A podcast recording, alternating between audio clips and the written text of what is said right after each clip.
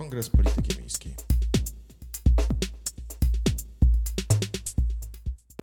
W kolejnym odcinku naszego podcastu e, nagrywanego na Kongresie Polityki Miejskiej porozmawiamy sobie o lokalnych gospodarzach.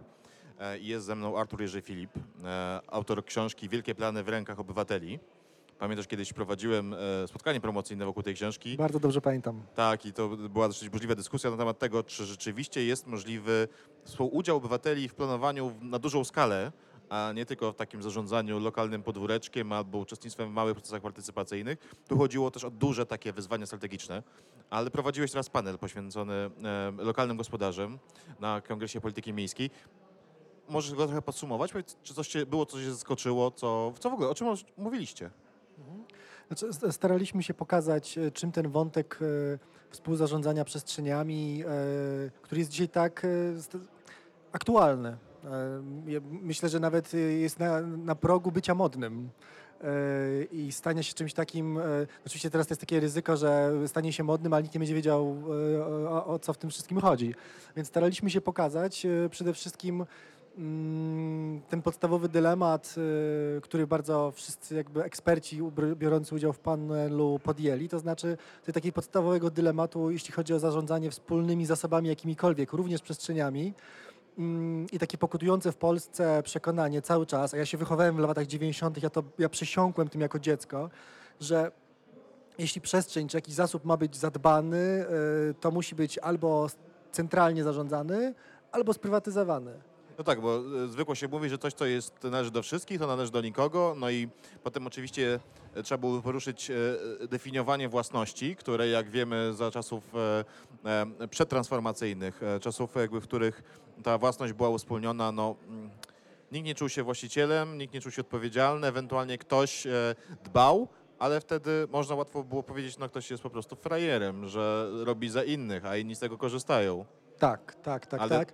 To oczywiście z naszymi skojarzeniami w Polsce, z czynami społecznymi, z tym właśnie takim, y, to ma same złe konotacje, tak? Tak. Więc jakby ja się wychowałem na tym przekonaniu, że jak osiedlowa, osiedlowe podwórko jest beznadziejne, to dlatego, że jest niczyje. To, Mhm. jakby to jest wiecznie powtarzane jak mantra, było niczyje. Więc albo trzeba je po prostu podzielić na ogródki. Blok, w którym mieszkałem miał te takie popularne w Polsce ogródki wydzielone przed blokiem, tak? Że mieszkańcy w popularne, parterach mieli ogródki. Ale to była jedyna szansa na to, że dzięki temu one były zagospodarowane i były ładne. Gorzej jak piłka tam wpadła, ale jakby e, to było jakieś rozwiązanie. No i z drugiej strony jest ta, to poczucie, że tą publiczną przestrzeń to już jakby nie ma wyjścia, musi nam dać biuro miejskie, samorząd, tak? Władza publiczna scentralizowana No tak, ale dać. wiesz, ja z kolei pamiętam e, na mojej ulicy, w moim małym mieście, z którego e, pochodzę, zawsze na wiosnę i przez cały taki sezon, kiedy było ciepło, e, jako dziecko byłem zmuszany, bo wtedy tego nienawidziłem, do czyszczenia krawężników.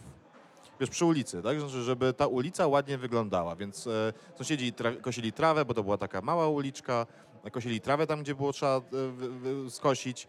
W związku z tym była jednak jakaś odpowiedzialność za to, jak wygląda ulica i jak się wygląda... Znaczy to, to jak... wspaniały przykład, bo że to jest jakby jednostkowe moje doświadczenie, że ja, ja tego nie pamiętam, Mhm. ale, ale dla mnie to brzmi tak e, aż egzotycznie właśnie i fantastyczna sprawa, nie? E, W tej kulturze takiej samorządności amerykańskiej, której akurat ja się jakby zajmuję naukowo, więc jakby lepiej ją znam, to jest oczywista rzecz, tak? Że się dba razem o bezpieczeństwo, o czystość, o estetykę. E, Jest to zupełnie normalna sprawa w tym lokalnym chudzie, neighborhoodzie, tak, że po prostu się, że się po prostu dba, że jak jest brzydko, to się, to się po prostu zrywa tą naklejkę, czy podnosi się paproch. E, I e, no, żeby nie narzekać, tak, to nie chodzi o to, że tego zupełnie nie ma w Polsce, ale faktycznie e, wydaje mi się, że my, my musimy jakby znowu i ten temat, powracając chyba właśnie on o tym jest, tak, że jest coś pomiędzy. Znaczy jest coś pomiędzy tym sprywatyzowaniem a scentralizowaniem, że jest jakaś wartość w tym, żeby razem zadbać o przestrzeń, no ale to znowu rodzi wszystkie wyzwania i trudności. I też ym, wręcz takie paradoksy tych sytuacji, o których Ewa Zielińska bardzo ładnie tak metodycznie je wyliczyła, tak, pokazując, co się dzieje, jakie są złe strony tego, że przestrzeń ma lokalnego gospodarza. I, ale oczywiście od razu podała też e, sposoby, jak temu A zapobiegać. dobrze, powiedzmy sobie, jakie są złe strony tego, że dana przestrzeń nie ma gospodarza e, i się biorą za nią wszyscy, którzy tam mieszkają. No bo wyobrażam sobie na przykład, że pojawia się różnica w definiowaniu tego, jak ta przestrzeń ma wyglądać. pojawia się problem tego, czym ma być, jak Tak. ma być, więc to jest jakby konflikt wewnątrz grupy. Mhm. Ale sam fakt, że jest jakaś grupa, która zajmuje się przestrzenią, powoduje, że jest ktoś poza tą grupą. Znaczy jakby każde zdefiniowanie grupy definiuje innego, więc jakby jest już ktoś poza nią, prawda? Ale wiesz, czasami grupa się y, sama automatycznie tworzy, bo na przykład powiedzmy sobie, że mamy jakiś blok i wokół, przed tym blokiem jakieś podwórko, tak? I, ja mam taki przykład e, mieszkania mojej koleżanki, która kupiła e, na Białołęce mieszkanie, musiało być tanie i ta przestrzeń wokół tego, na tym osiedlu, bo to taki w sumie jeden blok, ale taki tworzył podwórko wewnętrzne, e, była zapełniona parkingiem. I, I w pewnym momencie e, mieszkańcy tego bloku zrozumieli, że ich dzieci nie mają co ze sobą zrobić, no, że tam nie ma w ogóle przestrzeni do, do rekreacji. I słuchaj, e, złożyli się, sami stworzyli plac zabaw taki ten, ale potem się pojawił konflikt, no bo te dzieci bawiąc się hałasują, no i część tej grupy zaczęła mówić, ale czy ten plac zabaw nie mógłby być gdzieś z tyłu, bo tak pod naszymi oknami nie da się wypocząć, wiesz. Takie konflikty, y, mam wrażenie, czasami paraliżują ludzi, bo mówią, No po co coś tak. robić, wiesz. paraliżują i oczywiście ten przykład, który podałeś jest jeszcze i tak stosunkowo prosty, prawda, w tej swojej złożoności, bo teraz jeśli mamy do czynienia z taką prawdziwą miejską przestrzenią publiczną, to zaczniemy mieć nieskończoną, nieograniczoną liczbę użytkowników, bo to nie są tylko ci, którzy tam mieszkają, ale też ci, którzy mieszkają obok i ci, którzy też przyjechali tylko raz jeden w życiu i nigdy więcej tam nie wrócą, oni też są użytkownikami tej przestrzeni i co więcej, przestrzeń publiczna, która nie ma tych nawet jednorazowych użytkowników, traci na swojej jakości, prawda, tej jak publicznej, Tak. więc musi to być w pełni otwarte. Dochodzi nam to cała międzysektorowość straszna. Myśmy w panelu mieli tutaj przedstawicieli z różnych e, stron i takiego s- e, stricte komercyjnego, e, e, tej strony takiej dewelopersko-zarządczej, jeśli chodzi o inwestycje miejskie i e, powiedzmy jakby reprezentację miejskiego aktywizmu czy grup społecznych, no to w praktyce jest niezwykle trudne. To No jest, tak, bo sobie wyobrażam na przykład, e, że to kiedyś pisał o tym Jane Jacobs, tak? Mówiąc o tym, że na przykład dana okolica jest zdrowa, kiedy tam mieszkają rdzenni mieszkańcy, którzy znają się na tyle dobrze, że każdy kogoś widzi, opatrzy, obserwuje, w związku z tym oni czują się pewną grupą, mają swoją identyfikację. No ale kiedy zaczynają się tam wprowadzać nowe osoby, ta tożsamość zaczyna e, się e, modyfikować, i potem dochodzi do takiej sytuacji, na przykład często w centrach polskich miast, że tam już nie ma mieszkańców takich rdzennych. Że tam są mieszkania albo wynajmowane, albo one jakby są miejscami, którego ludzie tylko przyjeżdżają do pracy i wieczorem tam się już nic nie dzieje. I co wtedy? Jak taka No właśnie. wymiana. a jednocześnie ktoś tam jest, prawda? Bo też nie mówimy tylko o mieszkańcach, mamy instytucje, mamy właśnie biznes. No to, wiesz, E, jako, Mamy przedsiębiorców i wb- wbrew pozorom oni wszyscy powinni się, czy mogliby się identyfikować jako lokalni gospodarze. Myślę, że też to hasło lokalni gospodarze, stąd go tak eksploatujemy to określenie, bo ono jest z jednej strony takie dość zgrabne i lekkie, a z drugiej strony poszerza, dysk- poszerza tą debatę. Znaczy to, jak mówimy lokalni gospodarze, to nie, nie sugerujemy wcale, że to jest mieszkaniec, ani Tak. że instytucja. Lokalnym gospodarzem jest właściwie też samorząd, który ma jakąś komarkę odpowiedzialną za daną przestrzeń. Więc to jest dość pojemne, pojemne określenie. E, I właściwie to definiowanie lokalnych gospodarzy jakby definiowane jest przez dwa jakby aspekty. E, Jedna kwestia, znaczy właściwie ja wiem, może nawet jeden. To naprawdę najczęściej to jest tak, że to jest ktoś, kto jest w tej przestrzeni fizycznie, ale to jest też ktoś, kto jest gotowy wziąć po prostu trwałą odpowiedzialność za tą przestrzeń. Czyli nie jednorazowy ale wiesz, akt. na jakich warunkach często ta odpowiedzialność? Bo, bo y, może dojść do zawłaszczenia tej przestrzeni przez kogoś, to tym trochę co jest rozmawialiśmy. jednym, jednym Tak. z tych głównych wyzwań. Tak. E, Dwa, znaczy, że musi być pewien- regulamin zarządzania tą przestrzenią, e, czyli trzeba się dogadać, na jakich zasadach my tą przestrzenią dbamy, znaczy jaka jest granica mojej odpowiedzialności, czy ja mam to robić jakby za własne pieniądze, czy jakoś się składamy i tak dalej. I teraz mi się przypomniał taki przykład e, z Birmingham, tam jest e, takie stowarzyszenie przedsiębiorców, to chyba się nazywa BID, jeśli dobrze pamiętam, którzy składają się wspólnie Tak. e, po to, żeby zapewnić lepszą jakość przestrzeni, w której działają. To znaczy na przykład płacą za sprzątanie, bo po kryzysie w Tak. Wielkiej Brytanii w 2006-2008 roku miasta nie było stać na dokładne sprzątanie. Oni chcieli zaraz, ale my tutaj przychodzą nas klienci, to tak, musi na dobrze sprzątanie, wyglądać. na ochronę. Często Tak. jest tak, że w tych takich lepiej zorganizowanych bidach e, jest wręcz e, taka lokalna straż ulicy, Mhm. wręcz e, może być jakimś nawet w sensie jakoś estetycznie, jakoś nawet umundurowiona, ale z logiem jakby lokalnego tego operatora takiego. Znaczy to oczywiście znowu rodzi wszystkie te ryzyko zawłaszczenie, tak? Bo jeśli wchodzisz na ulicę, która to jakby taki sztandarowy przykład to jest manhattańska na przykład 34 ulica, która ma takie bardzo silne partnerstwo, tak? I tam wszystkie meble miejskie, śmietniki mają jakby w, w, designie tak zaprojektowaną nazwę 30, partnerstwo 34 ulicy i są służby, czy na przykład nie wiem, taki Bryant Park na tyłach Biblioteki Publicznej w Nowym Jorku, gdzie chodzą e, stróże z napisem właśnie e, partnerstwo, tak, tylko dla Bryant Parku. E, No, no, no to jest jakby inkluzywne, e, ekskluzywne jednocześnie, to jest całe to ryzyko. No ale to też jest tak, że ta tradycja budowania takich współpracy i tych właśnie na przykład Business Improvement Districts, BIDów, e, ona też już dzisiaj się rozwinęła w krajach anglosaskich i powiedzmy ten taki model stricte komercyjny, taki, który w latach 70. był taką nadzieją tych miast na odrodzenie i wtedy oddano po prostu przestrzenie, czy całe wręcz e, obszary poprzemysłowe, czy nadwodne. To było dość takie modelowe rozwiązanie w Anglii, w A Stanach, to jest że... w ogóle dobre, twoim zdaniem? Taki No i teraz ta pierwsza fala była dość ryzykowna, bo ona, była, ona nie miała w sobie bezpieczników społecznych. Ona była taka, no jakby miasta były w tym okresie dość ubogie, pojawiał się jakiś deweloper, miał pieniądze i po prostu mowa zrobisz, zrobisz te chodniki i zrobisz inwestycje. No i jakbyś tam dekadę później to wszyscy to krytykowali, tak? Natomiast to nie jest tak, że oni to zarzucili. Dzisiaj e, te struktury są oczywiście ciągle budowane, tylko oni są już po prostu mądrzejsi. Dzisiaj e, są to zwykle już takie bardziej złożone, właśnie międzysektorowe struktury, czyli są takie przykłady fantastyczne, gdzie okej, jest na przykład tak, że wszyscy e, właściciele są zrzeszeni jako BIT, tak? bo BIT to są właściciele, którzy płacą podatki, Mhm. dlatego właściciele się, się zrzeszają w BIdzie.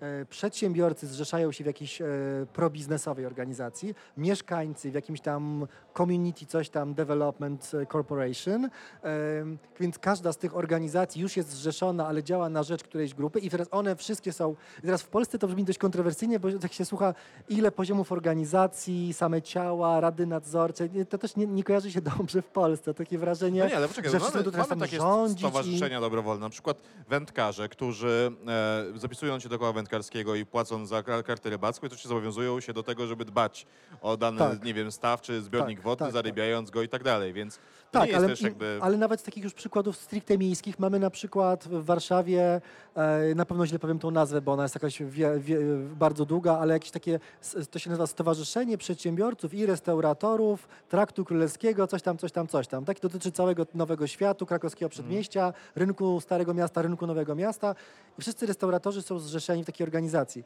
Czyli jakby ludzie, ludzie którzy przedsiębiorcy nie, nie, raczej nie, nie mają czasu na to, żeby chodzić na niepotrzebne spotkania i jeśli to nie byłoby im do niczego potrzebne, to by nie chodzili, bo się- przedsiębiorca to jest tak. ktoś, kto liczy swój czas, a jednak to robią. Ale przypominam sobie, e, wiesz, jakby pod Katowicami zbudowane miasteczko Siewierz Jeziorna e, i jak ono zaczęło powstawać 10 lat temu, pojawiła się taka dyskusja w Gazecie Wyborczej, w związku z tym, że to miasteczko wyróżnia się posiadaniem bardzo mocnego kodu architektonicznego, który mówi dokładnie, jak można budować, co można, jakie kolory i tak dalej, co można robić, czego nie można robić. To było dosyć nowe zjawisko w Polsce wówczas.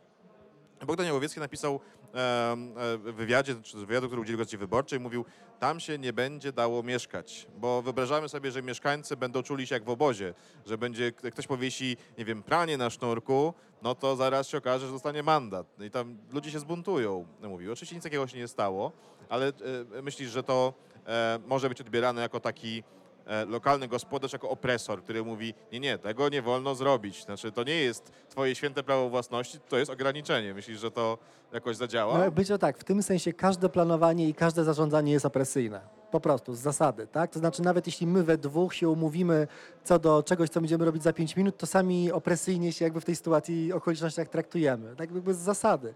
Więc yy, i to jest taki jakiś tam zakres opresyjności, który sami na siebie nakładamy, bo chcemy wiedzieć, co będziemy robić przez najbliższe pięć minut. Ale Miasteczko Wilanów jest o tyle ciekawym przykładem, że tam się dość szybko zawiązała ta organizacja mieszkańców, prawda? Zresztą, co jest najciekawsze,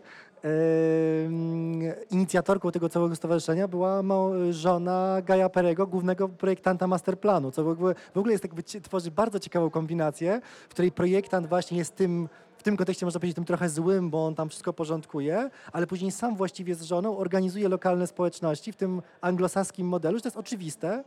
I, I jakby oni na przykład robili, te, to nie jest tylko robienie pikników e, sąsiedzkich, ale też organiz, e, oni na przykład robili dosadzenia drzew, prawda? Mhm. Czyli ta organizacja lokalna, w której sam Guy Perry był, dosadzała drzewa do jego masterplanu, w którym niekoniecznie on je tak przewidział. To jest jakby dla mnie nies, niezwykle ciekawa sytuacja, w której on jest jakby sam, on rozumie tą sytuację. To jest, wyobrażam sobie jeszcze jeden zagrożenie, na przykład, że powstaje jakaś społeczność wokół jakiegoś placu, tak, która powiedzmy jest nieformalna. Ludzie się po prostu spotykają co jakiś czas, mówią, dobrze, to my tutaj będziemy sprzątać, będziemy pilnować, patrzeć, naprawiać, zgłaszać i tak dalej. A potem nagle przychodzi miasto i mówi, to my na tym placu wam coś zrobimy, ale wy, drodzy mieszkańcy, jako nie mający osobowości prawnej, dla nas nie jesteście stroną. Jesteście taką samą osobą, obywatelem, jak każdy inny. E, myślisz, że, że to jest jakiś taki czynnik, który może blokować rozwój takich lokalnych gospodarzy i, i takich stowarzyszeń? Taka, wiesz, poczucie, że za chwilę możesz wszystko utracić i twój wpływ jest tak naprawdę iluzoryczny. Tak, ja, ja wi- widzę w tym też takie zagrożenie, że bardzo łatwo się, to, to jest jakby problem taki generalny w ogóle z formami partycypacji, nie? że mieszkańcy, którzy się angażują, w, w, partycypacja bardzo szerokie pojęcie, w różnych formach, wkładając jakiś wysiłek pracy w swoje miejsce, angażując się w jakieś spotkania decyzyjne, podejmując wspólne decyzje, jeśli nie mają później jakby gwarancji tych, tych y, udziałów w korzyściach, e, bardzo łatwo się mogą sparzyć, wręcz e, mogą być ofiarami w- własnej, e, własnej pracy, prawda? Podnoszą jakość jakiegoś miejsca, a później e, t- padają ofiarą gentryfikacji No tak, bo może się okazać na przykład, że nie wiem, ktoś w biednej dzielnicy, e, e, która jest nieatrakcyjna, weźmie się do roboty, zaciągnie, weźmie sąsiadów swoich, za, za, zaprzęgnie do pracy wspólnej, e, okolica stanie się atrakcyjna, Tak, 10 lat później te miejsce staje się atrakcyjne, czynsze Tak. idą w górę i ci, którzy nie byli właścicielami, wypadają. E, I to jest na, na przykład w Ameryce, gdzie ta tradycja jest bardzo długa, to jest bardzo realny problem. Wszyscy praktycy już sobie z tego z- świetnie zdają sprawę. Jest bardzo konkretny, identyfikowalny problem mieszkańców, którzy nie chcą się angażować i wolą z pewną swoją dziadowskość, bo ona jest gwarancją tego, że to miejsce jest Tak. ich. Ale na początku naszej rozmowy mówiłeś o tym, że ta, to zjawisko staje się powoli modne. Co masz na myśli? Czy to jest tak, że obserwujemy je coraz częściej w Polsce? Na poziomie dyskusji na pewno. Mm, Z jakiegoś powodu e, jesteśmy na przykład na kongresie z tym tematem miejskim i w ogóle o tym rozmawiamy. E, Jest trochę inicjatyw w Polsce, które używają tego określenia. Hasło współzarządzania mamy na przykład w Warszawie wpisane chyba dwukrotnie w strategię dwa- d- 2030. Nie bardzo jasne jest, co to słowo oznacza w tej strategii, Wiesz co, ja pamiętam ale jak, ono się tam już zaczyna przewijać. Jak kiedyś rozmawiałem z, z jakimś burmistrzem, już pamiętam którego miasta, który mówił, no tak, ja bym z chęcią tym mieszkańcom pomógł, ale e, no gdyby oni trochę wyszli inicjatywą, na przykład proponowali, że tutaj miasto e, wyasfaltuje drogę, a oni zrobią chodniki czy coś, ale nie, mieszkańcy tylko czekają, aż my zrobimy wszystko. W ogóle nic nie chcą się włączyć w współdziałanie, ale to chyba jest złe rozumienie tego, o czym rozmawiamy, prawda? Ale znaczy jestem, jestem w stanie sobie wyobrazić, że ta osoba mówiła też y, jakby na bazie jakby szczerego doświadczenia. To znaczy, y, że to wymaga. Znaczy, wsz- wszystkie strony mają jakiś ruch do wykonania, prawda? Y, Ci na dole, tym na dole brakuje jakby wzorców i ram do działania, więc y, wymagają, jakby wymagana jest od nich jakaś ogromna kreatywność i to ryzyko, że i tak z tego nic nie będzie, jest duże. Ale jestem sobie w stanie wyobrazić, że władze samorządowe czy miejskie w sumie mogły być otwarte na to, ale też nie wiedzą, co z tym zrobić. I też na przykład no, kolej, kolejna taka nauka z tych y, krajów czy miast, które troszkę mają więcej doświadczenia z takimi procesami. Często jest tak, że administracja sama wywołuje konflikty na dole po to, żeby one wróciły do nich, do aparatu biurokratycznego. I to są A, takie ciekawe historie, gdzie masz na tyle dojrzałego, powiedzmy, dyrektora biura, który sam w ramach swojego biura ale to nie jest taki jakby realizuje program, że już tworzy te ramy i mówi teraz przyjdźcie do mojego stolika, na moich zasadach pogadamy, tylko autentycznie wyzwala tą energię na dole, e, konfliktuje ten dół, czy jakby wzmacnia ich pozycję, bo wie, że to wróci nawet w formie krytyki do niego i wymusi na jego własnych pracownikach, jego na przykład administracji działania. Tak, takim przykładem takich działań jest konkretnie e, taki e, komisarz do spraw parków i rekreacji, właśnie Nowy Jork akurat tu wraca, ale po prostu to jest, wynika z tego, że tam to doświadczenie jest kilkudziesiątletnie. E, dość barwna postać w ogóle jako człowiek i właśnie osoba, która stosowała takie narzędzia. I powtarzał, jakby on wiedział, że to, że pełni tą zwierzchnią rolę w urzędzie wcale nie znaczy, że ma tak naprawdę władczość nad swoim aparatem biurokratycznym, więc wywoływał konflikty na dole po to, żeby one uderzały w jego urzędników, bo tylko to ich ruszało do działania, a to było, brzmi trochę makiawelicznie, Ja uwielbiam, jak takie e, pozornie proste tematy zamieniają się w wielowątkową historię o tym, kim jesteśmy, jak rządzimy, jak definiujemy odpowiedzialność i tak dalej. I bardzo żałuję, ale e, nie pociągniemy tego wątku dalej. Powiedz mi tylko i podpowiedz naszym słuchaczom, e, jeżeli ktoś chce dalej o tym poczytać, chce zobaczyć, to gdzie najlepiej zajrzeć? Do twojej książki? Bo ona jest trochę bardziej na takim poziomie większym, nie? Swoją książkę mogę tyle polecić, że jest tam jednak opisany konkretny przykład, gdzie jest jakby mm, w sposób taka, taki trochę reportażowy opisana historia projektu, gdzie wiele tych wątków po prostu jest e, omówionych e, w taki sposób, te, te, te, sposób, że są bohaterowie po prostu tej akcji, którzy, którzy robią pewne rzeczy. I się mierzą z problemami. E, No ale właśnie może to jest jednak na koniec ważne powiedzenia, bo teoretycznie to my od dawna wiemy, że planowanie czy zarządzanie miastem powinno być wspólne, komunikatywne, kolaboratywne i tak dalej ale że tak naprawdę bazujemy na, jednak na doświadczeniu praktycznym. Jakby to, co się liczy, to dzisiaj na przykład Ewa Zielińska, która jest zaangażowana od lat w otwarty jazdów w Warszawie i ona, ona ma ten konkretny, konkretną wiedzę praktyczną. Jest Joanna Kowalska-Szymczak, która od strony mm, takiej deweloperskiej prowadziła takie koalicje na rzecz przestrzeni publicznej. Ja mam sam też doświadczenie właśnie zbudowania koalicji z, z instytucjami kultury że to jest właściwie taki temat, który musimy rozpoznać przez eksplorowanie rzeczywistości i praktyki, tych niedoskonałych przykładów, poprzez też obserwowanie tego, co się dzieje na, za granicą, gdzie te przykłady są troszkę bardziej zaawansowane, można się czegoś z nich nauczyć. I raczej tutaj teoria podąża zdecydowanie za praktyką. Okej, czyli do, do pracy. do pracy to jedno z pytań, które zadaliśmy sobie dzisiaj, to to, kto ma zacząć. E, moja, moja teza jest taka, że kto pierwszy, ten lepszy. No dobrze, kto pierwszy, ten lepszy. Dziękuję bardzo. Artur Jerzy Filip był moim gościem. Do usłyszenia. Dziękuję bardzo, do usłyszenia.